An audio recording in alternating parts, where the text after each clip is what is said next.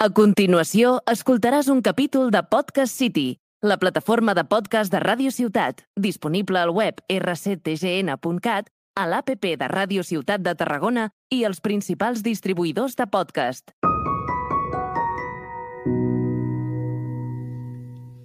Hola, hola, tornem a ser aquí després de l'estrena de, del primer capítol i us vam posar el dia de les novetats, no? de les més importants que farem al mes dos capítols en lloc d'un.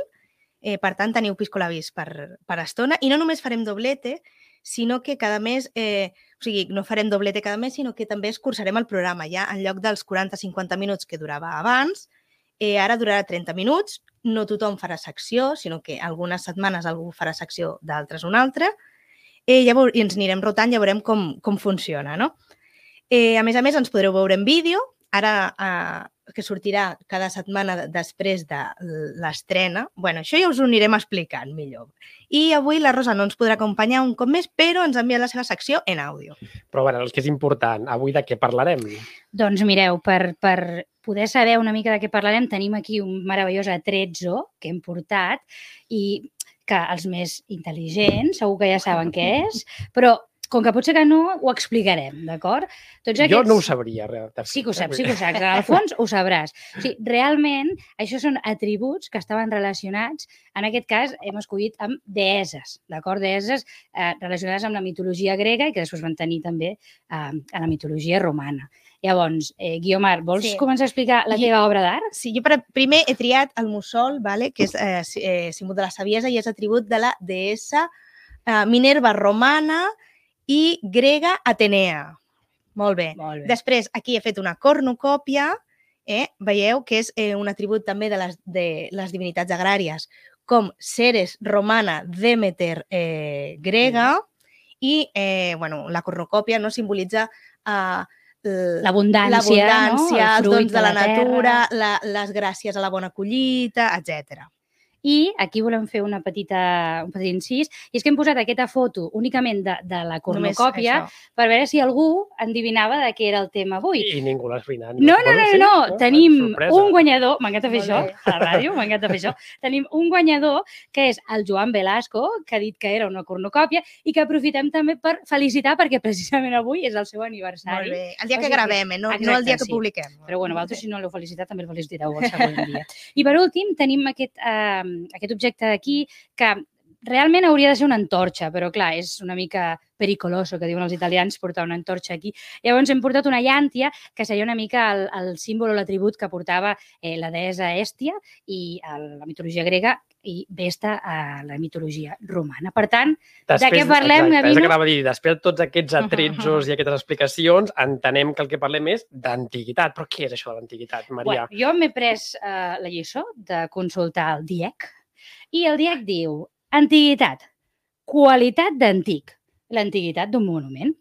Període de temps antic en la història, els costums, la cultura, etc d'un poble o civilització, l'antiguitat egípcia o l'antiguitat clàssica, Molt per exemple. Bé.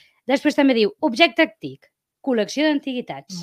Nosaltres jo crec que podem enfilar una mica per la segona definició, que és període de temps antic en la història, que engloba costums d'una cultura, d'un poble, d'una civilització. I ens fica l'exemple d'antiguitat clàssica, que és el tema que farem avui. Total, que parlem de l'antiguitat clàssica, que com a historiadors i historiadores de l'art eh, sempre hem tingut una especial predilecció per això. Fa temps que volíem dedicar-li un capítol, de fet ja teníem tot preparat per dedicar-li el capítol al juny, eh, just després de Tarracó Viva, quan a més la convidada que tenim havia fet una visita guiada eh, a Tarracó Viva, tot, tot ben lligat, tot ben pensat, però al final per problemes d'agenda no va poder ser, però nunca és tarde si la dicha és bona i la tenim avui amb nosaltres. Llavors, jo tinc moltes ganes de començar, si us sembla bé. Poseu-vos, com sempre diem, una beguda. Avui us recomanem un té ben calentet, que comencem.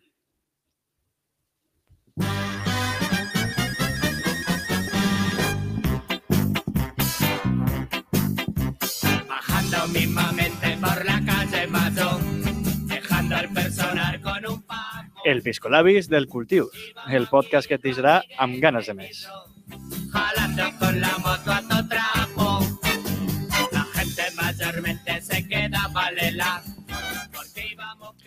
Bé, doncs avui dedicarem l'episodi a parlar de l'antiguitat i per això ens acompanya la Meritxell Blai Boquera, la nostra convidada d'avui. La Meritxell va néixer a Montbrió del Camp i és llicenciada en Filologia Clàssica per la UB, doctora en Estudis Hispànics i Romànics a la URB. A més, des de fa 20 anys és docent de llatí, grec, cultura clàssica i per si tot això no fos eh, poca cosa, també té curs un màster en Patrimoni Arqueològic i col·labora amb l'Institut Català d'Arqueologia Clàssica. I tot i que no podem dir totes les coses en les que col·labora, sí que aprofitem per fer una mica de propaganda i dir que com a divulgadora cultural és autora del llibre Castell Castelló, Mirador del Camp de Tarragona, des de les muntanyes de Vandellós, editat per Cossetània. I dit tot això, el micro ja és teu, Txell. Doncs moltes gràcies, bona nit. Moltes gràcies per convidar-me i, i per fi per poder fer aquest podcast que, que teníem pendent des del juny. Doncs bé, com, començo una mica a explicar per què, per què m'heu convidat no? I, i per què estic aquí. Jo ja fa anys que, que em dedico una mica a la divulgació, a la, a la divulgació de l'antiguitat, que és a el que vosaltres us referíeu abans, a les vostres definicions, i concretament a el que em dedico és a parlar de, de l'antiguitat, però en clau femenina, de la història de les dones. Perquè la història de les dones a l'antiguitat és una història molt jove, i, i això que és a Grècia on es van formular les primeres teories sobre el gènere. Però, doncs, bé, en el nostre país cada vegada es va parlar més de la història de les dones, però doncs, encara tenim molta feina a fer. I, clar, jo sempre començo preguntant què és una dona. Sabríem definir què és una dona? Doncs bé, el diccionari diu que és una femella, del llatí fèmina, de l'espècie humana perquè l'antiguitat eh, el gènere va lligat al sexe, va lligat a la sexualitat.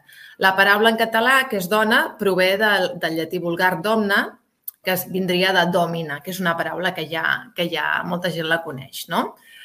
Uh, el feminisme ha introduït la paraula gender amb la intenció que la diferència de gènere uh, no sigui només biològica.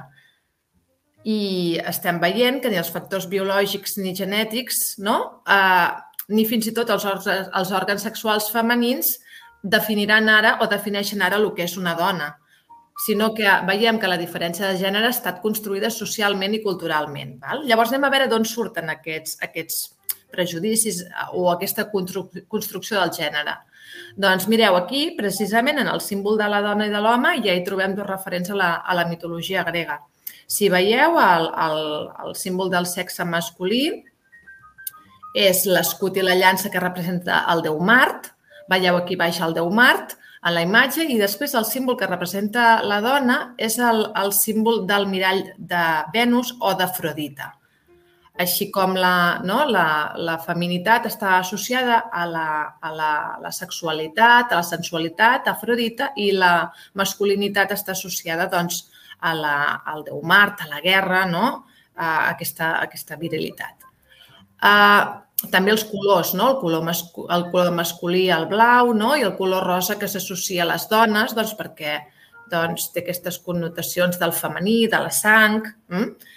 Però el que queda clar és que la dona s'associa a Afrodita i Afrodita, a la mitologia grega, és la deessa de l'amor, la deessa de l'amor, de la bellesa, de la fecunditat, perquè, clar, mm, Afrodita neix dels genitals castrats eh, que van caure al mar no? i d'allà va sorgir, de l'espuma del mar, va sorgir la deessa. No? El vent la va portar fins a les costes de Xipre i és una divinitat molt antiga. Aquesta representació que veiem és la representació de, de l'Afrodita d'Agnidos i tot i que ara ens sembli normal veure un nu com aquest, doncs eh, fa 2.500 anys mm, era un nu molt polèmic. És una estàtua de mida real, la primera representació d'una dona despullada a mida real. Aquesta estàtua fa uns dos metres. L'original grec no es conserva, però sí que hi ha moltíssimes còpies romanes. Uh, aquesta estàtua doncs, ha fet tornar fins i tot uh, boig algun, algun home uh, de, que als segles XVII i XVIII doncs, anaven a veure-la a, uh, a Roma, a la còpia, i alguns se n'enamoraven, alguns fins i tot tenien relacions sexuals amb l'estàtua, vull dir, era una verdadera bogeria el que sentien per aquesta Afrodita. Uh, algunes estudioses, com Mary Bert, que és una estudiosa de l'antiguitat que a mi m'agrada molt, afirma doncs, que, que aquestes dones esculpides doncs, estan esculpides des d'una mirada eròtica masculina. Per tant, que les dones no es veien a si mateixes així, sinó que és una mirada pintada per un home i que seran venudes a compradors homes. Són dones objectes de mirades eròtiques masculines. El que està clar és que Afrodit estableix el cànon, el cànon de la dona 10, la dona 60, 90, 60, la model, la, la dona perfecta. I és l'única deessa que surt ensenyant els pits la dona no només eh, és per a Grècia el símbol de la mitologia grega, el símbol de, de la bellesa, sinó que també és el símbol del mal. La dona és per als grecs eh, un mal, un mal. Aquest és un càstig, aquí veiem la primera dona, Pandora, que Zeus va enviar com a càstig a la raça humana. Un regal per a tots, a, eh, de tots els déus per a, tota, per a l'home. Eh? I la dona aquesta no, no venia sola, la seva desgràcia no era ella mateixa, sinó que venia carregada de desgràcies perquè tenia aquesta capsa, aquest regal que veieu que està obrint aquí, i eh, que va ser, quan la va obrir, es van escapar totes les calamitats per la terra, eh? la fam, la desgràcia. Eh? Mm, ella és mentidera des del seu naixement, és una, és una la nostra Eva eh, és ximple i desobedient des del principi. Li diuen que no obri la caixa i ella l'obre, eh? i es canvia tots els mans. Eh, va ser incitada, no va ser incitada per ningú, ella sola ho va fer, eh? perquè la mentida li era intrínseca. Hermes, el déu Hermes, li posa la mentida dins el seu, el seu cor, així com les deesses la, la fan vella i Afrodita la fa desitjable. Eh? El seu pobre marit, Epimateu, germà del famós tità Epimateu, doncs, que li hem de dir que de tenir una desgràcia de dona com aquesta. Eh? Ja sabeu que quan va escampar tots els mals per la terra i va veure el que havia fet, només va tenir temps de retenir dintre de la caixa un mal i un bé per als grecs, que és l'esperança l'esperança que, que li va quedar a la humanitat de que la dona fos no, el pitjor dels mals. No només ho pensaven en, en el mite que la dona era el pitjor dels mals, sinó que Simònides, un escriptor de poesia grega del segle VII abans de Cris, va descriure molt bé el gènere femení en el Gamba de les dones, on compara les dones amb animals. Uh, la dona que prové de la truja, que s'engreixa revolcant-se a la porqueria, la que prové de la guineu, que no és de fiar, la de la gossa, codola, per casa innecessàriament, la que ve d'una somera, que és pacient i treballadora i que, a més a més, li pots clavar bastonades perquè no es queixa, la que està disposada a fer l'amor amb qualsevol, la dona gata, que és ninfòmana. Eh? Un veritable problema per qui té aquestes dones com a muller. Hi ha una altra, també, la mona, molt ridícula, que només pensa en arreglar-se. Hi ha un tipus de dona que és treballadora i fidel i mare devota que prové de la vella. Però lamento dir-vos que en època de Simònides aquesta dona ja havia desaparegut. En tot cas, el Iamba conclou dient qui està amb una dona no té un sol dia de pau.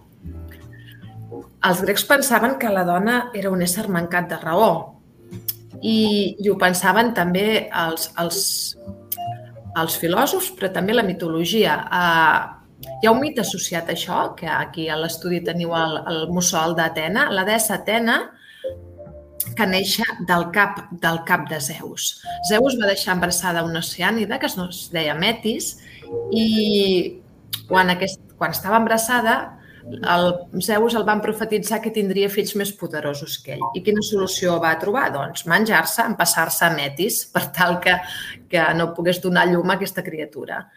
L'embràs va anar seguint a dins de Zeus fins que li va causar un mal de cap tan gran que va decidir uh, visitar Fest, el déu del foc i dels ferrers, li va proposar que li badés el cap amb una, amb una destral i d'allà va sortir Atena completament formada, adulta i portant els atributs d'un soldat oplita, el casc, la llança.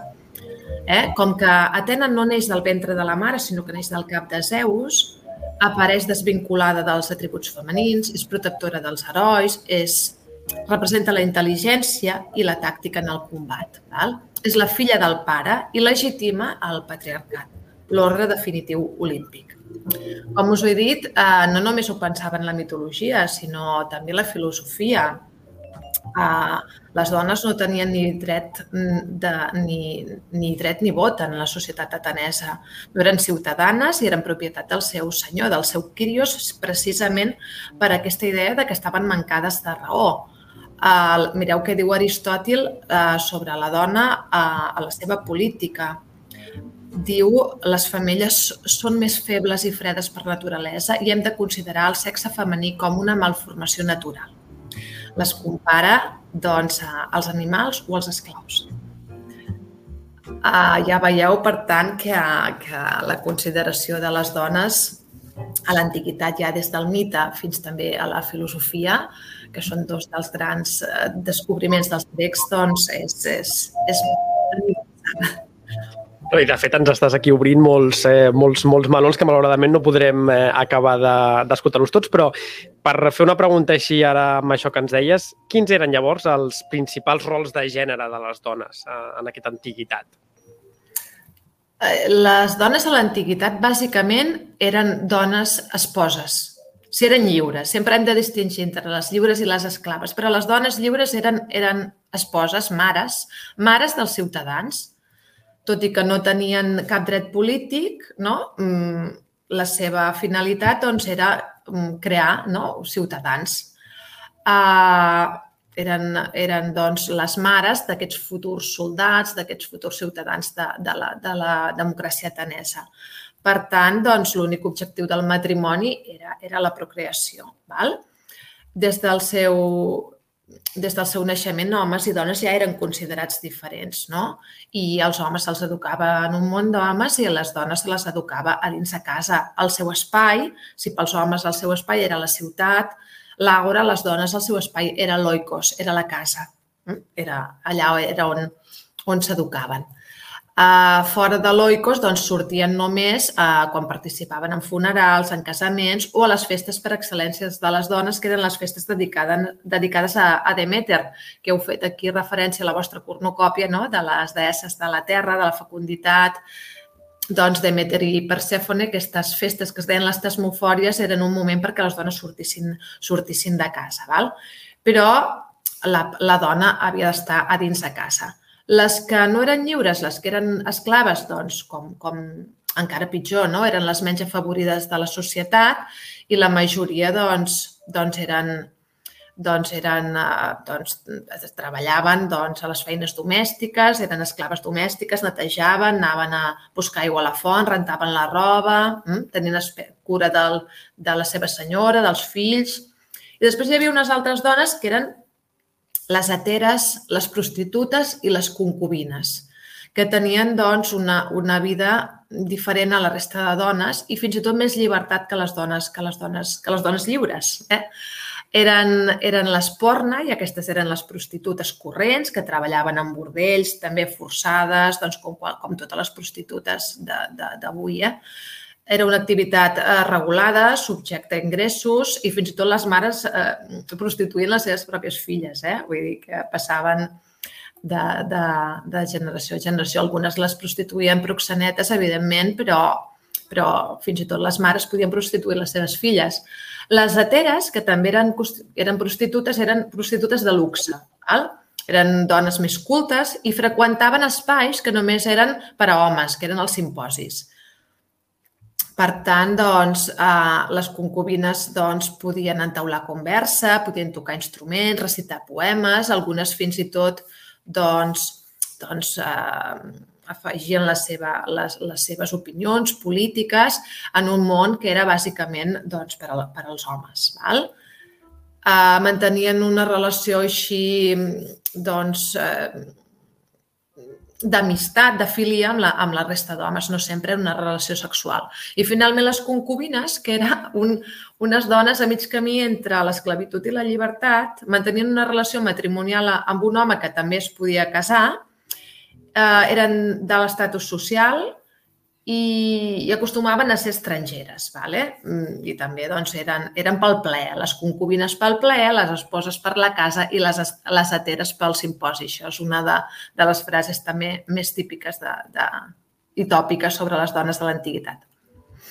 Txell, em sap greu, però malauradament se'ns se tira el, el, el temps super a sobre. De, de fet, tenim preguntes al de tinter, fet, no? ens han quedat moltes preguntes al tinter i com que hem pogut fer únicament la part del que seria la dona eh, dintre del que seria l'antiguitat grega, si et sembla bé, com que ens ha quedat la dona dintre de l'antiguitat romana, eh, podria ser un bon pretext perquè poguessis venir un altre dia i ens ho poguessis explicar, perquè penso que hi ha eh, similituds, però també crec que hi ha diferències significatives que, en quant a llibertat, segurament, no? que crec que seria molt interessant poder tractar. I perquè ara no ho haguem de fer ràpid i corrents, perquè mm. no, no, no ens agrada i ens agrada que els convidats us pugueu esplayar, et semblaria bé com venir d'un altre dia de convidada? M'agradaria, m'agradaria venir a aquest plató i no fer-ho des d'aquí a casa i així estar, estar amb aquest atrezzo tan, divertit que teniu. Prometem portar atrezzo encara el millor. dia que vinguis tu, encara millor. Molt, molt bé. 2.0. I no res, moltes gràcies per haver participat. És una llàstima que no haguem pogut eh, parlar de més coses, però recomanem molt la visita guiada que fa la Txell per Tarracó Viva, a veure si aquest any que ve també la fas, perquè és realment molt interessant, sobre dones romanes, dones de Tàrraco, era realment molt xulo. I bé, doncs ara seguirem eh, parlant d'antiguitat, tot i que amb un peu lligat amb la nostra actualitat. Us heu preguntat mai com escalfaven les cases a l'antiga Roma durant els freds hiverns? La resposta potser us sorprendrà i ens ho explica la Rosa des de Berlín.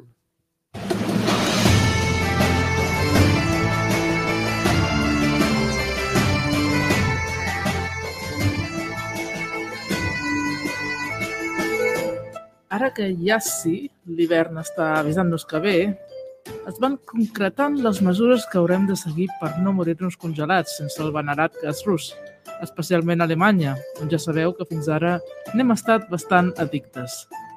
Reflexionant sobre aquest tema i sobre l'ús dels recursos naturals per temes d'energia, em va venir al cap eh, com s'ho feien els antics per no morir congelats, especialment els de Casa Bona, Tenien simplement tots una llar de foc o hi havia alguna cosa més? Veiem-ho en el cas dels romans. Soc la Rosa Maria Torredemé i avui us porto com sobreviure l'hivern a la Roma imperial.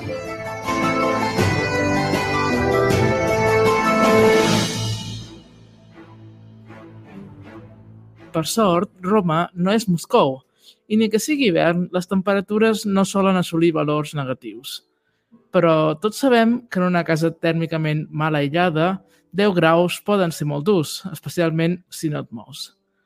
Els romans ho tenien molt present i, a falta d'energia barata, havien de trobar altres mètodes per garantir una temperatura agradable a la llar.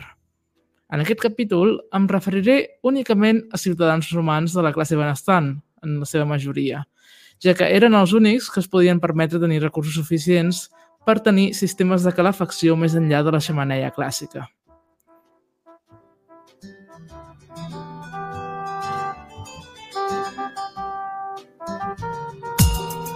Un dels primers mètodes que vull esmentar, malgrat no ser el que contribuïa amb més pes a l'escalfament de la casa, és el de seguir el moviment del sol.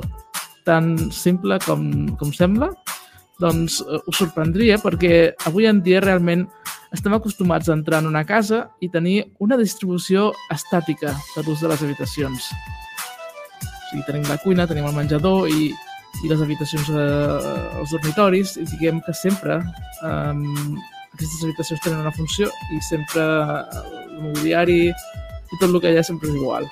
Eh, ni que es canvi, diguéssim, doncs la funció segueix la mateixa um, tothom té més o menys interioritzat què es fa en cada habitació, independentment de l'època de l'any, i els objectes en cada lloc són normalment fixes. En el cas de les cases romanes, això no era ben bé així, sinó que, depenent de si era hivern o estiu, certes activitats es duien a terme en una habitació o altra, fent que determinats mobles anessin movent-se d'un lloc a l'altre segons la necessitat del moment. Els objectes, òbviament, els movien els esclaus. Marcus Vitruvius Polio, que va escriure un tractat d'arquitectura al segle I, ens diu que els menjadors de sopar i els banys han d'estar a l'oest de la vivenda durant l'hivern per aprofitar la llum del sol de la tarda. Els mateixos esclaus també eren els encarregats de servir vi calent i portar calefactors portables. Eren luxes que només les classes més altes de la societat romana es podien permetre, està clar.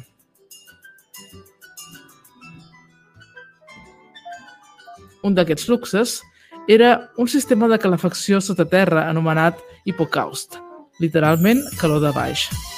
Aquest sistema de calefacció, més comú als banys públics, utilitzava un forn o diferents focs per forçar la calor a una sèrie de cambres buides situades sota el terra de la casa. Aquesta calor s'irradiava cap a l'interior de les habitacions a través d'aquest mateix sol. Això requeria, per tant, que l'edifici estés construït amb una certa elevació respecte al terra, es diu que aquest sistema va, va ser la primera calefacció central del món, però en realitat els romans no van ser els primers a desenvolupar un sistema de calefacció en què la calor d'un foc sota el terra irradia d'un costat a l'altre d'una habitació. El Kang i Dikang xinesos, l'Ondol coreà i el Tawak Hané afganès, em perdoneu el meu farsi, es basaven en principis similars i es remunten a temps fins i tot anteriors. És més, Probablement els romans van, van aprendre la tecnologia dels grecs. No obstant això, van ser els romans els que van desenvolupar l'hipocaust en un sistema de calefacció més sofisticat, especialment, com hem dit, els seus banys públics, que es van construir a tota Europa i al voltant del Mediterrani. Durant molt de temps, els historiadors van creure que la caiguda de l'imperi romà, cap a l'any 500 després de Crist, va marcar l'inici d'una pausa en l'ús de la calefacció sense fum a Europa. No obstant això, tot i que la majoria dels banys públics van caure en mal estat a l'imperi romà d'Occident, els hipocaus es van continuar construint i utilitzant a l'alta edat mitjana, especialment als monestirs. La tecnologia també va viure a l'imperi romà d'Orient, a Bizanci, i es va adoptar als hammams, banys públics, dels àrabs, que van reintroduir l'hipocaust a Europa Occidental quan van construir el Palau de l'Alhambra al segle XIII. En qualsevol cas, la majoria dels romans es conformaven amb brasers portàtils, caixes metàl·liques plenes de carbó, amb peus per protegir el terra i nanses per portar-los d'una edició a l'altra. Això i el càlidum, el vi calent que hem esmentat barrejat amb espècies, eren al final del dia el que garantia que un anés a dormir sense tremolar. I fins aquí la secció d'avui. Fins a la propera!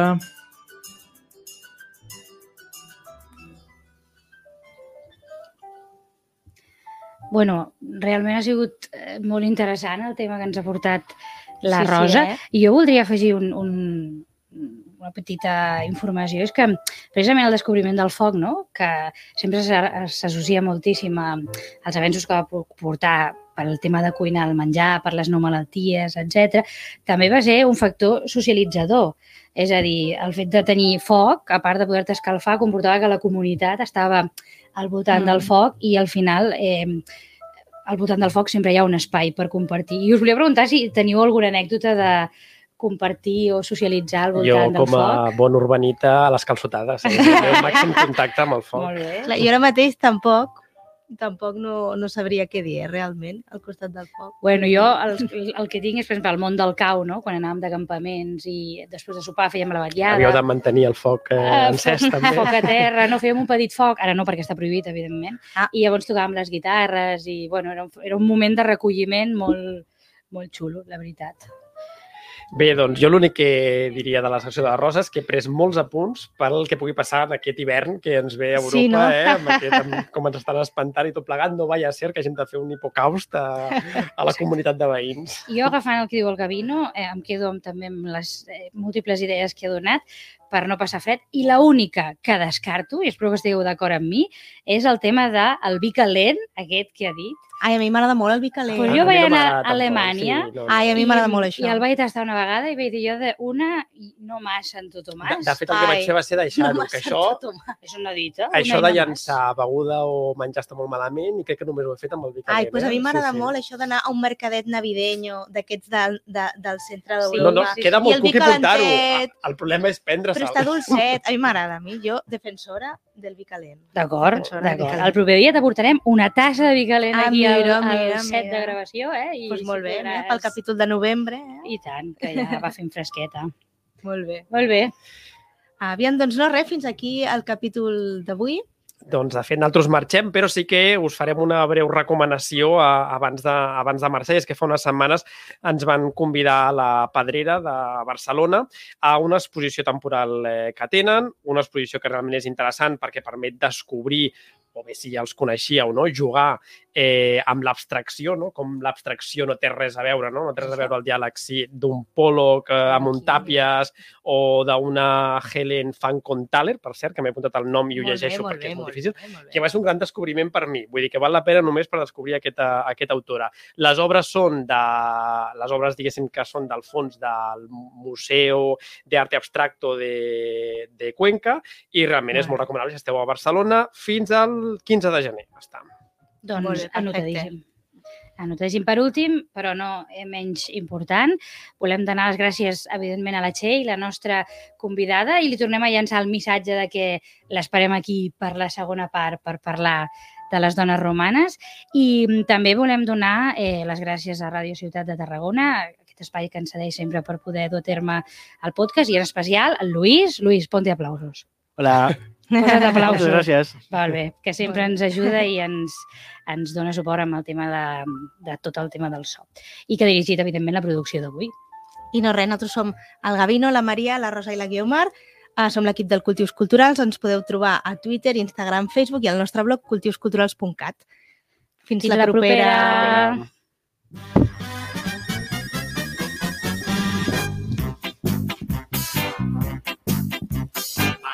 calle pasó.